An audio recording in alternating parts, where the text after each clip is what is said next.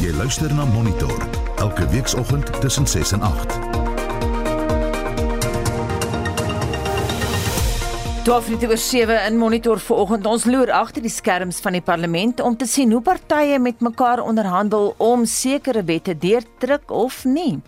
Die vlerke van die lugmag se Gripen vegvliegtye word tydelik geknip en die vloot is dalk volgende. Goeiemôre ek is Oudo Karelse. En ek is Anita Visser. Welkom by Monitor.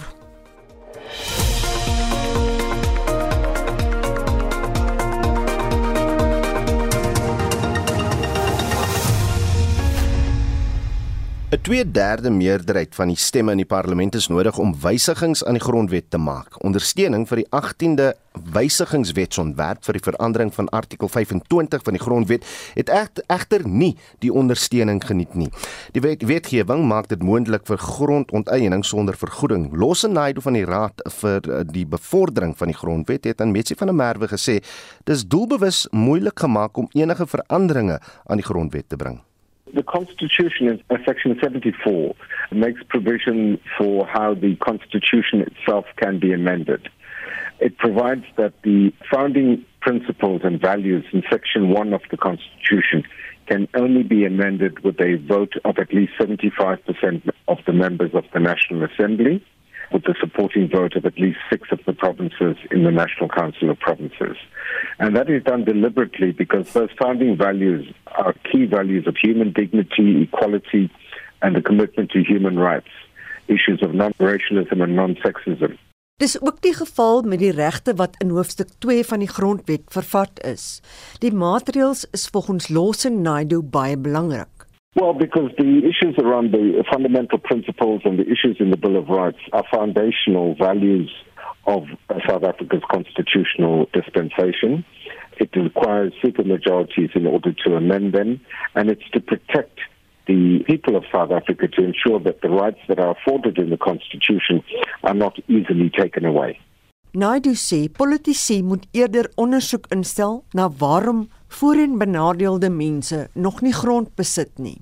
Well, unfortunately, it was a lot of political grandstanding rather than grappling with the, the, fundamental issue, which is that of land reform and land redistribution.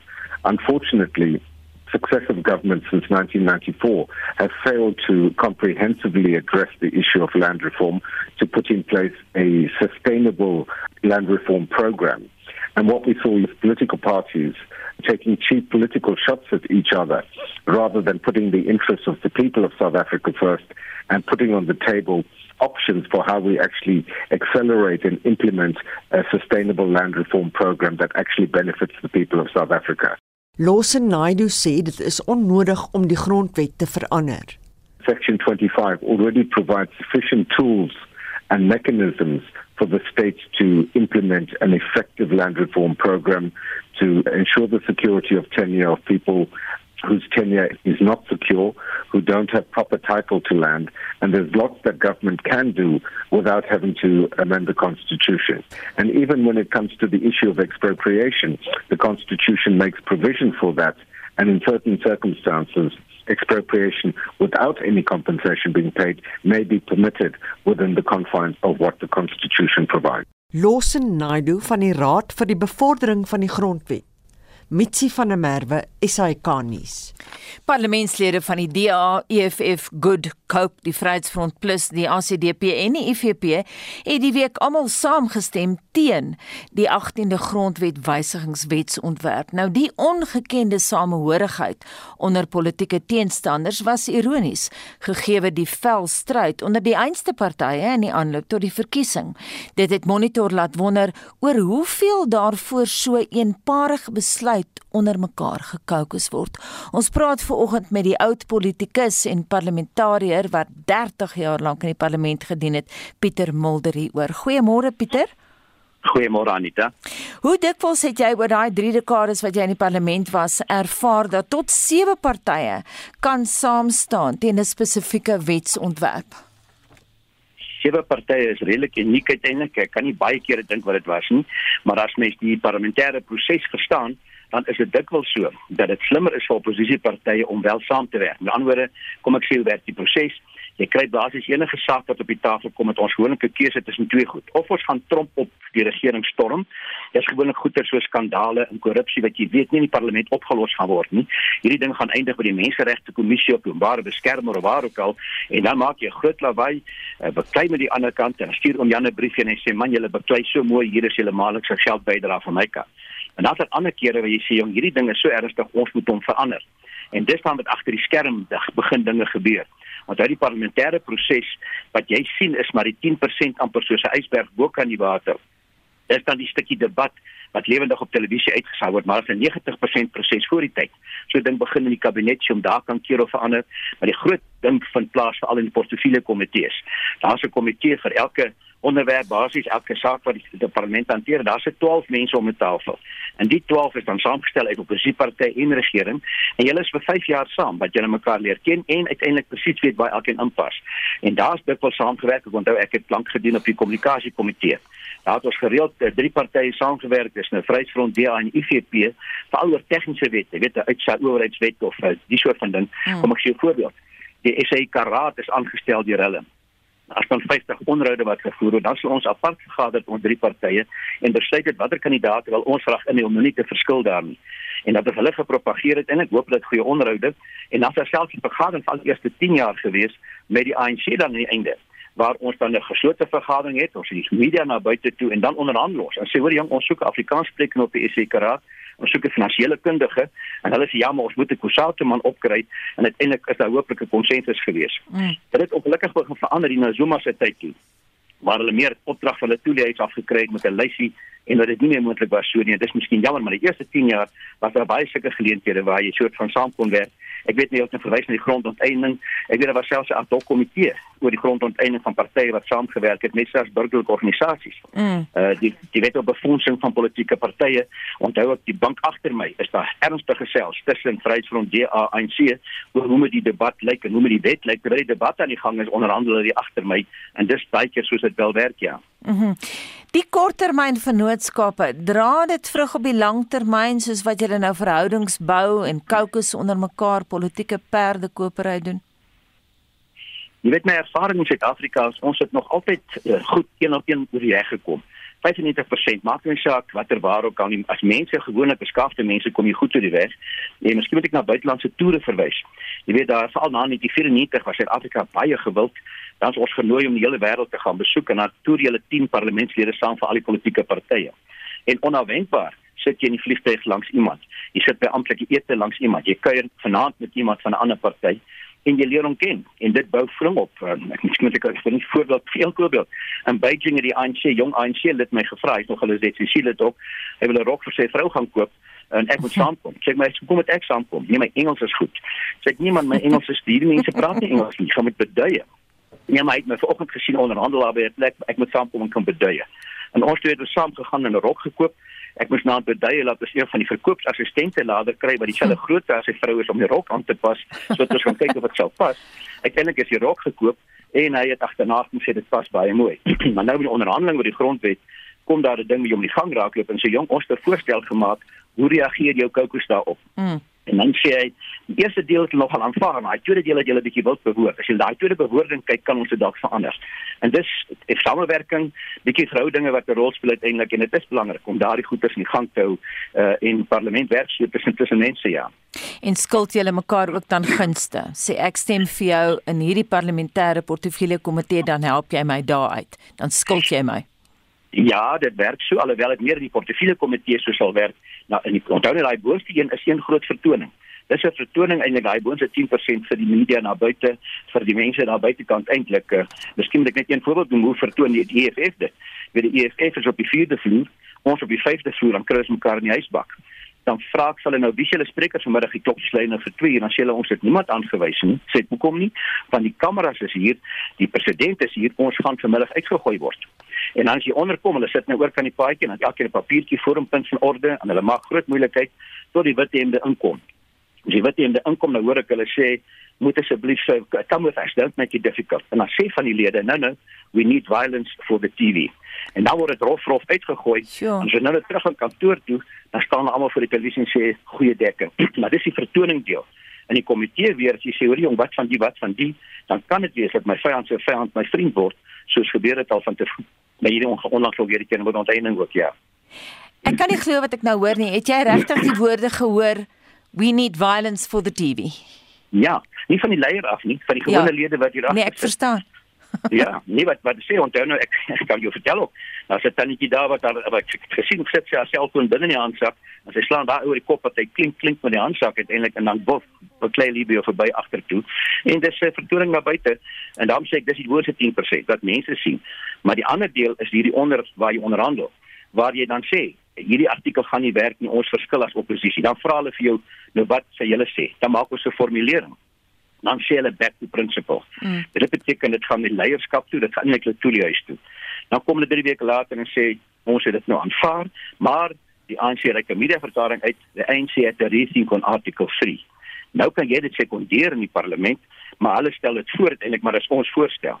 En dan skryf hom Jan weer 'n brief. Hy sê jong, julle sit net op julle blakers en trek salaris. Ek kon trek my finansiële bydrae maar intussen het jy daarmee sukses behaal ja. Pieter ek wil hê jy moet hou by die tyd. Ons het so 2 minute oor. Hoe was dit voor 1994?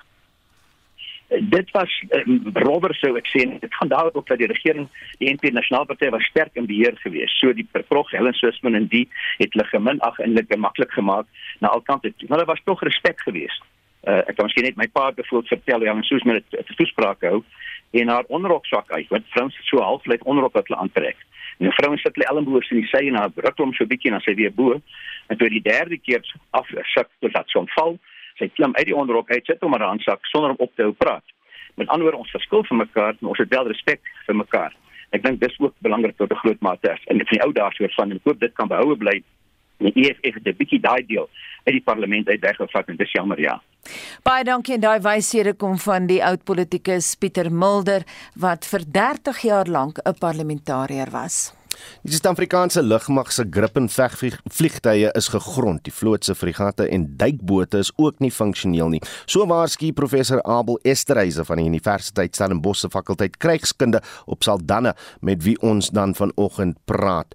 Uh lekker om jou weer terug te hê Abel. Uh, vliegtye word tog om die wêreld gegrond, maar waar lê ons probleme hier in Suid-Afrika? Ja, um, ek dink dit is 'n baie belangrike punt om te maak dat uh, dit nie snaaks is dat vliegtye gegrond uh, word nie. Dit is 'n algemene ding wat weermagte doen van tyd tot tyd en lugdienste ook.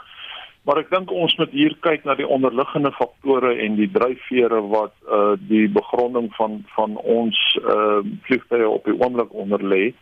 En ek dink daar's daar's twee realiteite wat hier uitspeel.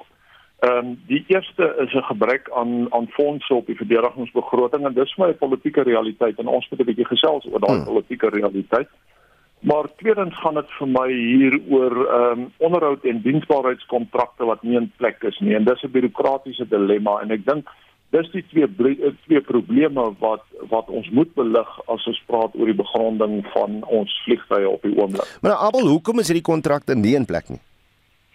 Ehm um, voordat ek oor die kontrakte praat, kom ek kom ek praat net uh, oor die verdedigingsbegroting want mense gaan uiteraard die begronding nou ehm um, blameer op die verdedigingsbegroting ja. en ons weet uit die teorie uit ehm um, en uit goeie navorsing uit dat weermagte polit, polit, polities effektief is tot die mate toe dat hulle drie goed kan doen. 'n uh, 'n uh, 'n uh, groot aandeel in die in die begroting vir hulle self kan beding, die regte mense in diens kan neem en toegang kan kry tot tegnologie en dit is juist hierdie drie kritiese elemente waarmee ons ons weermag uh, sukkel. En dan natuurlik 'n eksistensiële probleem vir ons weermag op die oomblik is dat uh, 'n mens kry amper die idee dat hulle sit en wag dat die weermag dat die uh, regering gaan reageer met 'n groter verdedigingsbegroting. Hmm. En dit gaan nie gebeur nie want daar is nie meer geld in die nasionale begroting om vir die weermag te gee nie. So die weermag sal moet gaan dink oor alternatiewe wat nie noodwendig aan aan geld gekoppel is nie. So kom ons gaan na die bureaukratiese probleem toe. Ehm um, 'n militêre platform soos 'n vliegtuig en 'n duikboot is nie noodwendig ehm um, 'n ontplooibare stelsel nie. Ehm um, dit dit vereis 'n hele sistemiese aard om so 'n platform te ontplooi. Daar's doktrine, kontraktuele verpligtinge, onderhoudstelsels wat in plek moet wees. Hmm om om om hulle te kan ontplooi. En daar's miskien twee punte wat ek hier moet maak. Ons weet dat daar probleme is in die verdedigingsindustrie en ek gaan nie uitbrei daaroor nie. Ja. En dan is daar tweedens 'n uh, inherente probleem blyk dit nou te wees met die onderhandeling van kontrakte vir al wat buitelandse verdedigingsmaatskappye aanbetref. En die probleem is eintlik 'n positiewe probleem in die sin van dat die die proses wat nou in plek is is eintlik daar om korrupsie te voorkom. En die bureaukratiese proses het nou so omvattend geword hmm. om korrupsie te voorkom dat die goedkeuringsprosesse, die tydsraamwerke, die mense wat daarbey betrokke is, die beheer oor finansies so intens geraak het dat dit in wese 'n moeilike bestuurbare proses is vir vir die weermag en vir die bureaukratiese instellings. So ek wil my verstout om te sê dat dit eintlik 'n positiewe probleem is wat ek dink okay. op die die oomblik die die begronding onder lê. So so wat dan nou? Uh, ons het hierdie uh, dier toerusting gekoop. Nou staan die duikbote stil. Hulle is nie funksioneel nie. Die grippins is gegrond. Wat wat doen ons nou? Wel, ek ek dink 'n mens moet hierdie die vraag op twee vlakke beantwoord. Die eerste vraag is 'n is 'n baie taktiese vraag en en dis 'n baie eenvoudige vraag rondom het ons 'n strategiese dringendheid om die vliegtye uh, in die lug te kry op die oomblik? Hmm. Nee, daar is nie 'n strategiese dringendheid om die vliegtye in die lug te kry nie. Kan ek kan ek net met, kan ek uh, net uh, vinnig daar tot in Januarie, Februarie. Aber um, ek dink daar's 'n hoër orde vraag hierso en en daai hoër orde vraag dink ek hou verband met 'n dieper en 'n hoër orde debat wat ons moet hê oor die algemene ehm um, beplanning en opstelling van ons verdediging in Suid-Afrika en 'n dieper liggende ehm um, beredenering van presies wat het ons nodig hmm. vir vir die verdedigingsopset in Suid-Afrika. En ek ek wil my verstout om te sê dat as ons 'n prioriteitslys gaan maak van wat ons nodig het uh vir verdediging in Suid-Afrika op die oomblik, gaan ons waarskynlik uitkom by antwoorde dat ons ehm um, uh jy weet gewone 4 by 4 uh bakkies uh, waarskynlik meer nodig het as wat ons tye op op die, op die oomblik nodig het. En albei dit dis juist wat ek jou nou wil gevra het was daar ooit 'n tyd in die laaste 20 25 jaar dat ons wel hy grippens uh, dat hulle wel noodsaaklik was vir vir Suid-Afrika se weermag. Kyk, 'n mens moet nooit die die afskrikkingswaarde wat daar is aan aan um, aan hierdie vegvliegtye onderskat nie. Maar die afskrikkingswaarde hou verband met die mate waartoe jy regtig hierdie hierdie ehm uh, uh, vliegtye as as 'n as 'n stelsel kan ontplooi. Ehm uh, en en eintlik het ons uh, nog nie die die die grippins na my wat my betref regtig as 'n stelsel begin ontplooi in Suid-Afrika sedert ons hulle aangekoop is. Ons moet maar eerlik wees. Die probleme wat ons verdediging in die gesig staar in Suid-Afrika, ehm um, die die die lugbedreiging figureer baie laag hmm. op op daardie op daardie bedreigingsagenda. En mense wil nie sê dat dit nie kan eskaleer oornag nie, want dit is uiteraard die probleem met 'n met 'n lugbedreiging dat dit kan eskaleer oornag. Maar ehm um, 'n mens moet 'n bietjie dieper gaan delf hierso en ek twyfel of daar werklik binne die Suider-Afrika konteks, die breër strategiese konteks waarbinne ons opereer, 'n uh, 'n uh, 'n uh, 'n uh, bedreiging is wat ehm um, 'n uh, lugoormag ehm um, wapentuig vereis. Uh, ek twyfel ons het waarskynlik 'n groter behoefte aan aan ehm um, aanvals helikopters. Ehm um, So uh, ons gaan werklik en dis op die oomblik dink ek die groot probleem wat verdediging in Suid-Afrika aanbetref is ons het nog nie weer die debat gesien wat hmm. ons moet hê nadat die die uh, uh, defense review in 2015 uh, uitgerol is nie en daai daai 2015 ehm um, verdedigings ehm um, review is regtig nog nie geïmplementeer nie. Hy kan eintlik nie geïmplementeer word nie want daar is nie geld beskikbaar. Okay. So ons gaan ons gaan definitief verdediging in Suid-Afrika oor die volgende jare wat moet herbedink. Professor Abel Esterhuise ons moet hom daar los. Hy's van die Universiteit Stellenbosch se fakulteit krygskunde op Saldanha. Jy luister na Monitor elke weekoggend tussen 6 en 8. 731 en in die nuus se besluit moet opnuut geneem word oor 'n geheime stemming in die ATM se wantroue mosie. En die 6 mans wat aangekla word van die moord op 'n senior amptenaar in die Gautengse departement van gesondheid, Babita Deokaran, sal vandag hulle borgtog aansoeke voortsit. En net hierna die aktrise Lis Meyering vertel hoe die teaterwêreld oor die afgelope 50 jaar verander het.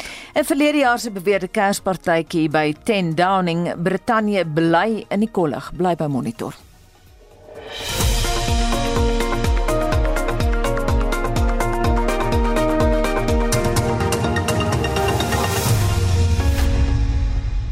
Johnny Rensha skryf op Facebook: Ek gebruik glad nie hand saniteerders nie. Ek was my hande nog my hele lewe lank gereeld na die toilet gebruik voor ek kos maak ensovoorts. Die alkohol in die saniteerders kan onmoontlik goed wees vir 'n mens se vel, sê Rensha. Hannes skryf: Gaan by 'n kompleks in dan word jou hande bespuit en dan by elke winkel binne die gebou word jy met verskillende middels bespuit sonder dat jy 'n keuse het watter tipe spuitstof gebruik word. As ek dan 'n waantjie of 'n mandjie vat, dan laat ek hulle dit ook bespuit. Gerard Fourie skryf baie mense spuit op die handpalm en gee net so vee. Die regte manier is om soos 'n chirurg byna 'n dammetjie in jou hand te maak, jou mm. naels daaraan te sit tussen jou vingers en die agterkant van jou hand tot by jou polse verby mm. eintlik. Nee? Ja, hy sê want dis waar jy waar teen jy hoes of dis ook waar jy aan jou oog vat. Uh, hy sê doen dit reg of los dit, don't fool yourself or your fellow shoppers reg of weg, sê Gerard. Johanna skryf ek koop dit nie, dis ek is allergies vir alkoholinhoud.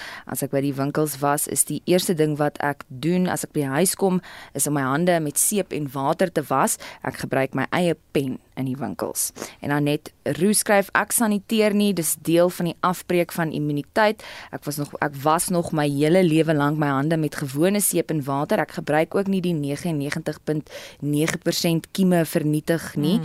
My liggaam moet in, met alles in aanraking kom om alles te kan beveg, mm. sê Anet. En dan is daar ook 'n bietjie tyd vir van julle stemnotas.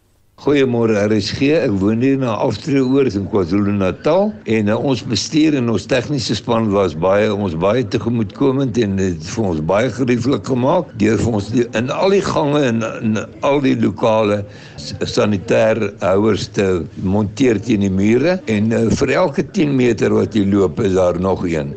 So uh, jy het nie 'n verskoning om nie jou hande te saniteer nie. Dit is baie prakties en dit werk baie goed. Maar uh, ek glo ook aan ou die aan die ou tradisionele sunlight seep en 30 sekondes onder warm water was. Ek glo dit is net so goed. Uh miskien moet jy Johanna by die ingang sanitize en dan weer binnekant van soos ons weet ons mense hoes mis ook dan nou en daar is die moontlikheid dat die persoon in sy mond kan vat. So ja, dis hoekom jy seker meer as een keer moet sanitize. Maak net meer sin. Dit doen, dit maak baie sin.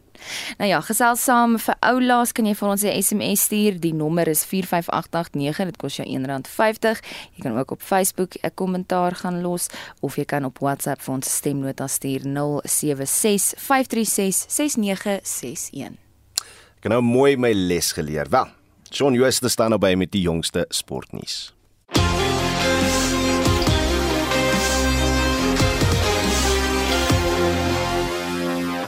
Ons fokus vanoggend op cricket en sokkernuus. Die Indiese groep vir hulle opkomende toetsreeks in en teen Suid-Afrika is gister bekend gemaak. Virat Kohli is die kaptein met Rohit Sharma die onderkaptein. Sharma is wel as kaptein van Indië se eendag en T20 spanne aangewys.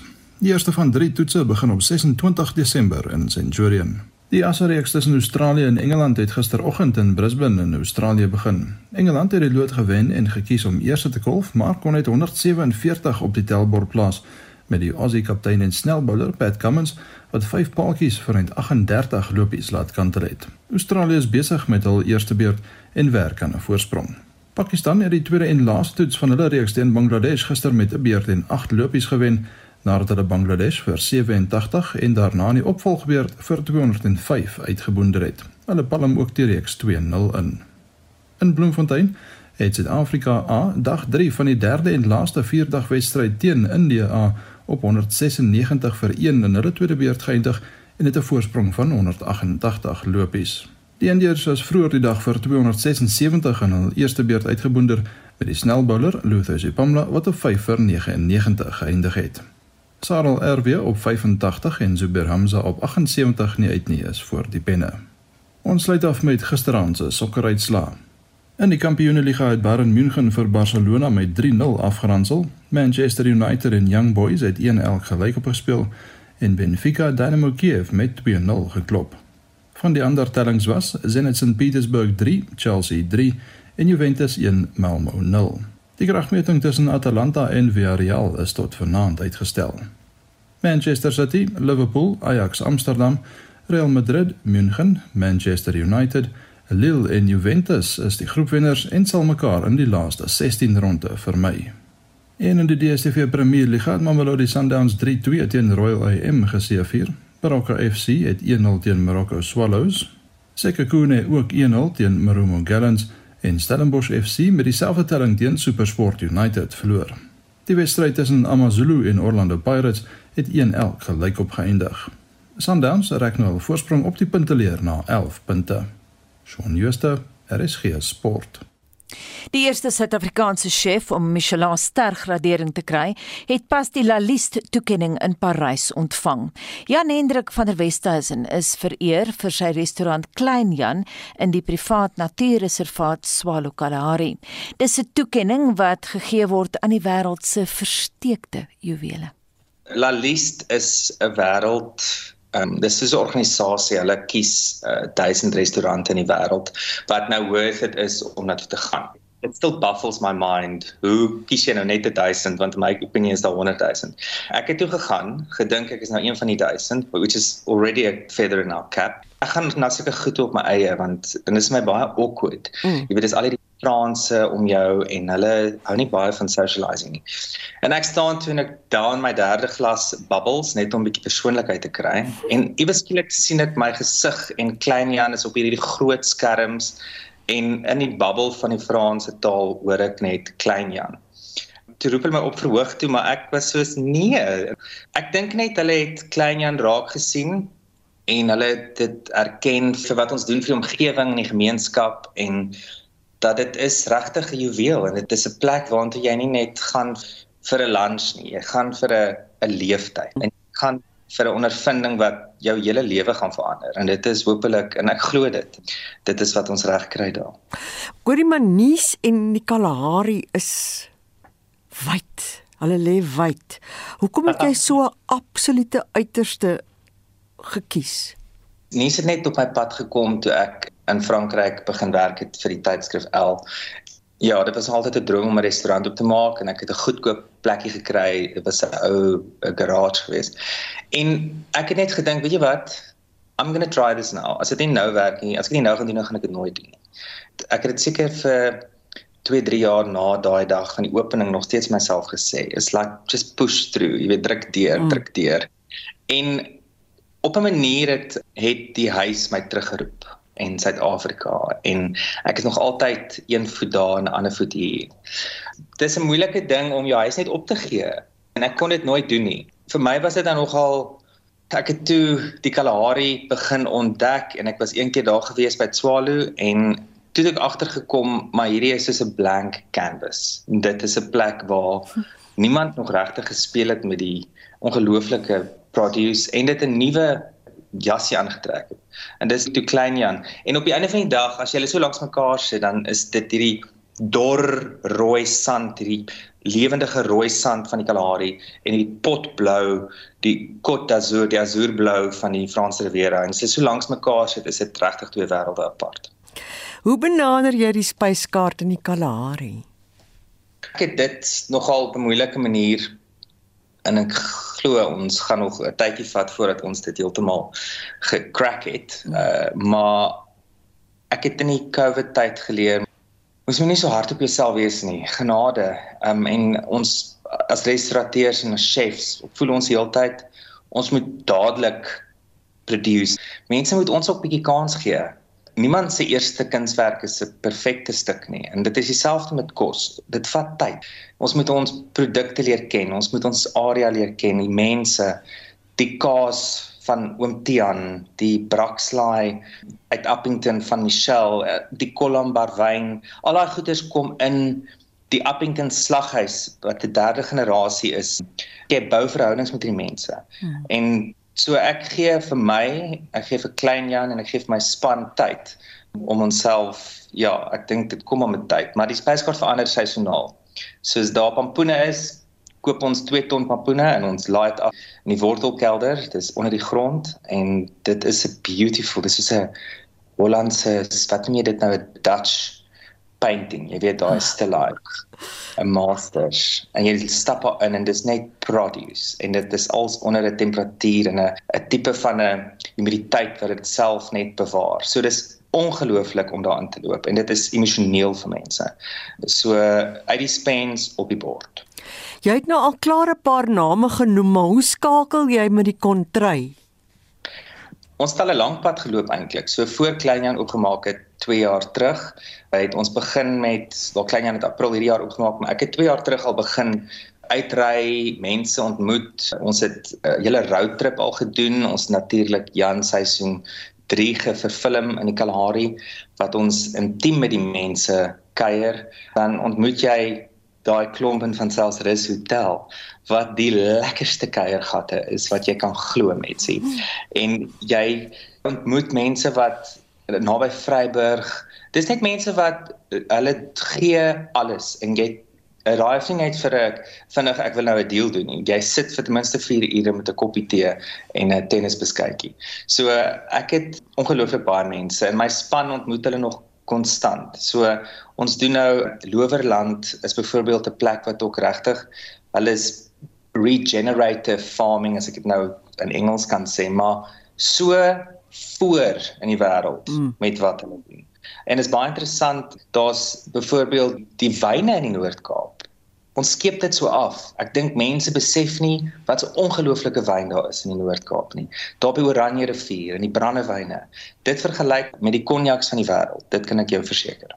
Ons het van jou begin hoor na jy eerste Suid-Afrikaanse Michelin ster chef geword het. So vertel vir my, wat is dit en jou restaurant in Nice het nou al 5 jaar die eerste graad ster gekry?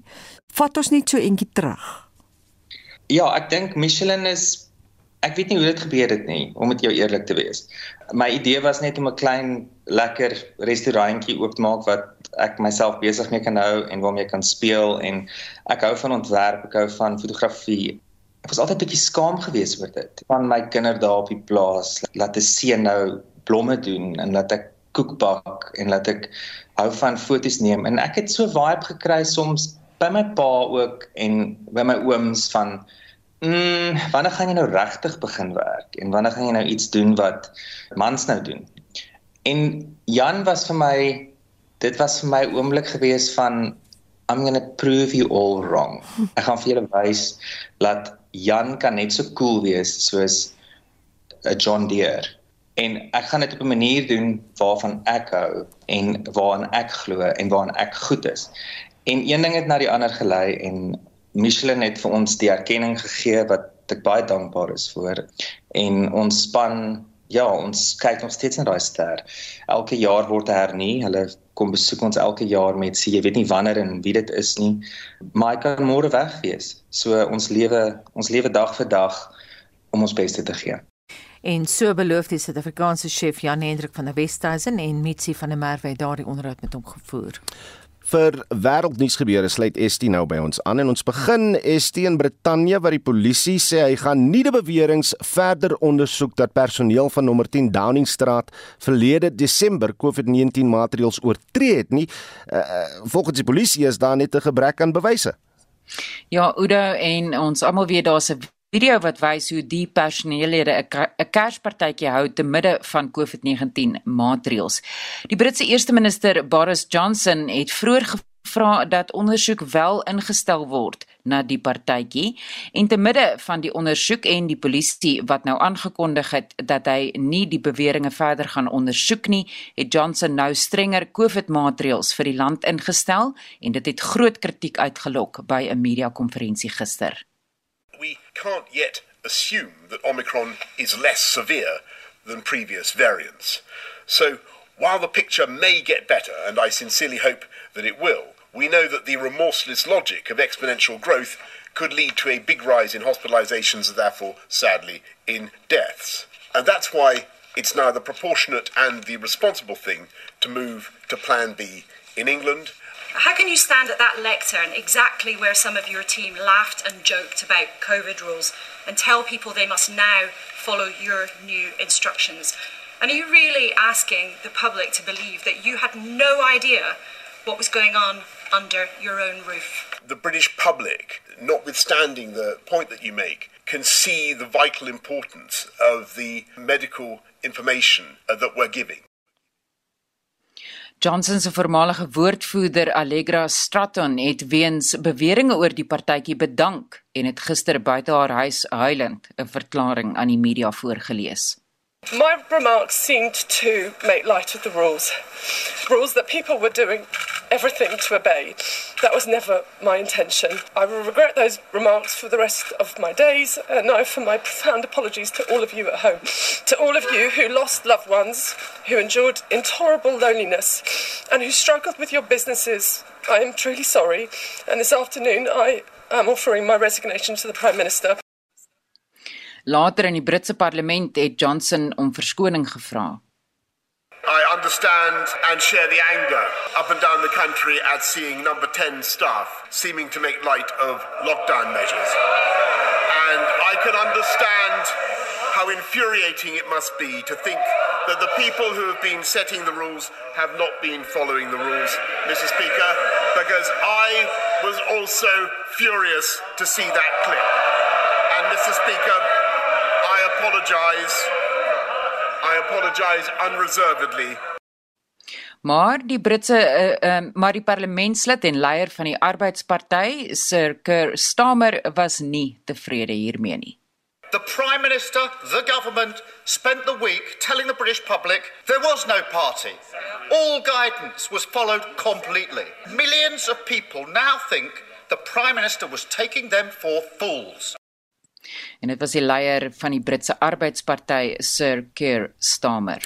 En dan verskuif ons die fokus na die vraag wat ek ek seker ons almal op die oomblik vra, uh, die farmaseutiese maatskappy Pfizer en uh, BioNTech wat sê 'n derde COVID-19 inenting kon die Omicron variant neutraliseer in toetse wat in 'n uh, laboratorium gedoen is. Ja, Pfizer sê terwyl twee dosisse van die inenting laer beskerming teen die variant bied, sal 'n derde dosis die neutraliserende antiliggame versterk. Pfizer het gesê indien dit nodig sou wees, kan hy 'n spesifieke inenting teen die variant teen Maart volgende jaar lewer. Die direkteur van Jelse Instituut vir Wêreldgesondheid, professor Saad Omar, het aan die BBC gesê hoewel wetenskaplikes op vroeë data werk, glo hy dat twee dosisse van die inenting ook beskerming teen die Omicron variant sal hê. At this point, the evidence suggests that it is entirely appropriate to recommend taking three booster doses as a precaution against this variant of the SARS CoV 2 virus. Current emerging evidence is pointing towards three doses being needed for protection against the Omicron variant. Hy was die direkteur van Jelse Instituut vir Wêreldgesondheid, professor Saad Omar. En dit was Estie de Klerk met 'n oorsig oor vandag se wêreldnuus.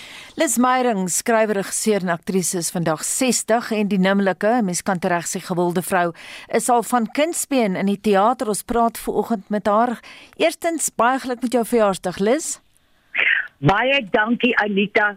Ek waardeer dit. Dit is natuurlik allermins aardskuddend of uniek.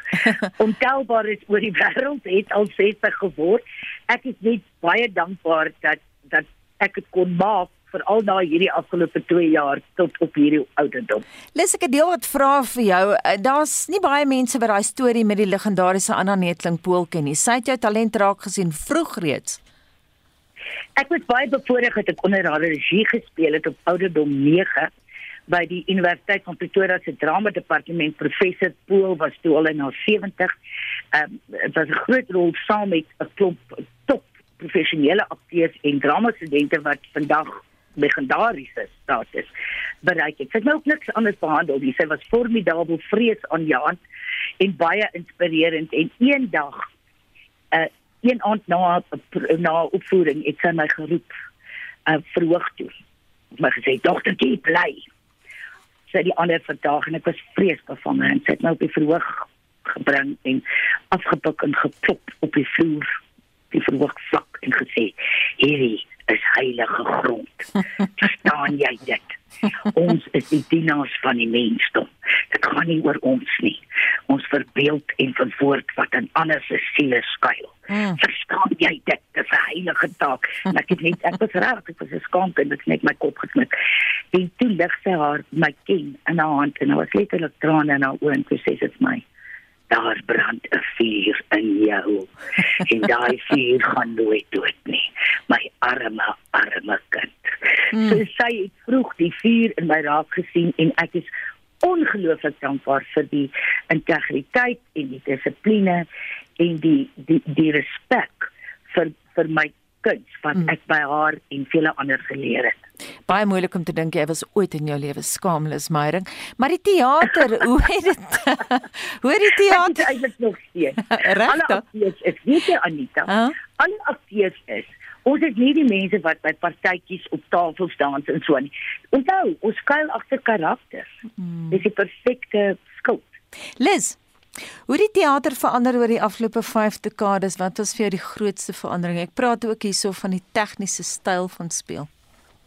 Wel, ek dink die in die tegniese styl van speel is soos ons, jy weet, formeel opgelei is, uh, is dit is die basiese beginsels nog steeds dieselfde. Ek dink ons uh, vir ons generasie en die generasie onder ons speel met 'n baie meer natuurlike speelstyl. Maar dieselfde reëls geld om om duidelik te kan praat om jy weet verhoog tegniek te. Die een ding wat my baie uitstaan op die oomblik is dat 'n nuwe generasie en dis natuurlik nou nie almal nie, opgeleide akteurs oor rond en ont rond. Dit het niks te doen met wat mense altyd gesê het as 'n Pretoria aksent nie. Dit is hy, my, kom by. Ehm um, en dan die aas word oos en ek het lank gewonder wat dit is dat ons dit nie uit hulle uitkry nie want dit maak hulle moeilik om te gebruik in verskillende rolverdelings. Um, en veral as jy periode stukke doen. En toe besef ek hulle het groot geword in 'n tyd wat Afrikaans en die Afrikaner absoluut as die beslegtes gesien is. Jy weet in Afrikaans is die taal van die onderdrukker, die varktaal en hulle is geweldig beïnvloed deur Amerikaanse televisie en Amerikaanse kultuur. Mm. En daai dit is 'n manier om te probeer cool klink, om mm. Afrikaans te probeer cool maak. Liz, jy het nou onder die ANC en die ou nasionale party gewerk as aktrise. Hoe verskil hulle kunstebeleid? Jy laat niks nie. Dis ander mense met dieselfde uh, sensorskap vandag is die sensorskap politieke en sosiale korrektheid en het hulle dit reg gekry dat die skependes in hierdie land begin self sensor wat natuurlik die ergste en die mees gevaarlike ding is en ook van die begin af van die tyd wat ek in die bedryf is, was daar 'n departement van sport, kuns en kultuur. Nou dit is absoluut belaglik.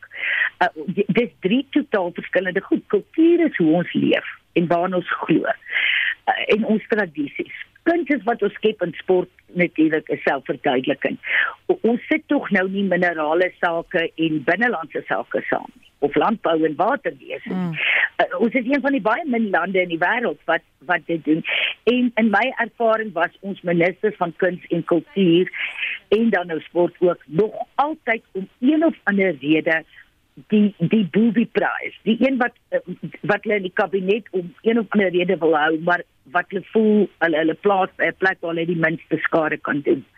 Uh en wat nie 'n liefde of 'n regtige hartstog het vir die kunste nie. Daar was wel een uitsondering kortstondig met die uh, dit was Barbara Masekela. Mm uh, en sy het self vir my gesê, onthou sy was een van die min wat werklik teaterproduksies bygewoon het en met ons gesels het en gehoor het wat gaan jy weet wat het ons nodig en hoe werk hoe werk die bedryf mm. ek moet sê Lizzie they will get rid of me they don't like me mm. in this position in hulle het hulle het al uitgeskryf as as ambassadeur wat sy baie suksesvol was so die die intrinsieke respek en verstaan van die breër kunste is was nog nooit hier nie. Onder individue is daar natuurlik baie mense wat en ons is baie dankbaar vir hulle. Gehoor, kykers, lesers en dis meer uh wat die wat die kunste ondersteun. Maar Liz? Yes. Ek is bevrees, ek weet jy wil nog baie sê. Ons sal moet haltroep en uh, ja. baie dankie dat jy ten spyte van die feit dat jy inherënt so skaam is, tog met monitor gepraat het en baie geluk met jou verjaarsdag. Daar is geen verkeer.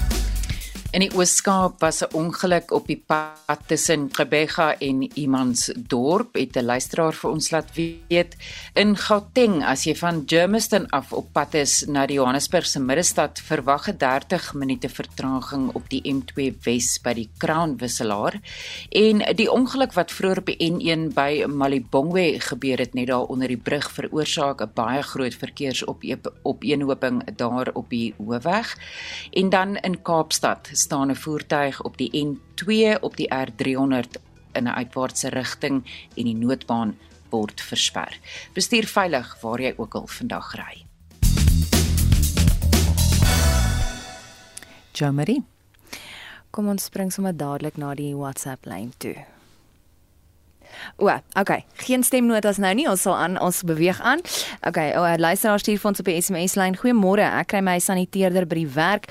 Ek loop oral met my bottel rond. Voor COVID het ek nie geweet wat saniteerder is nie.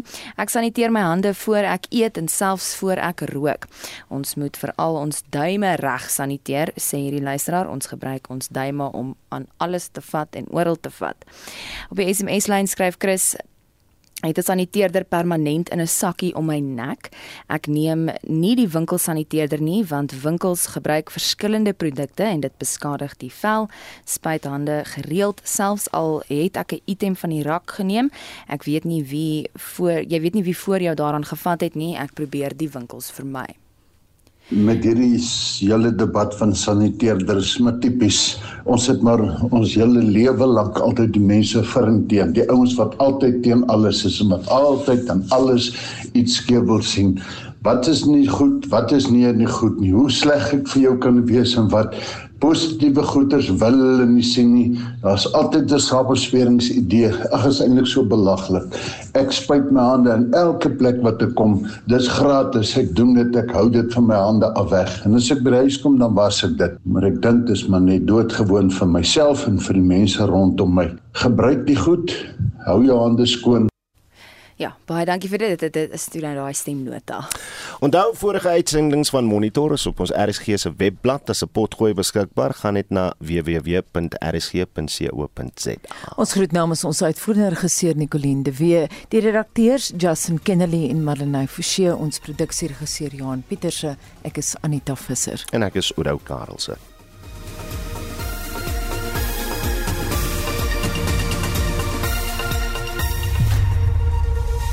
SAK nuus. Onafhanklik, onpartydig.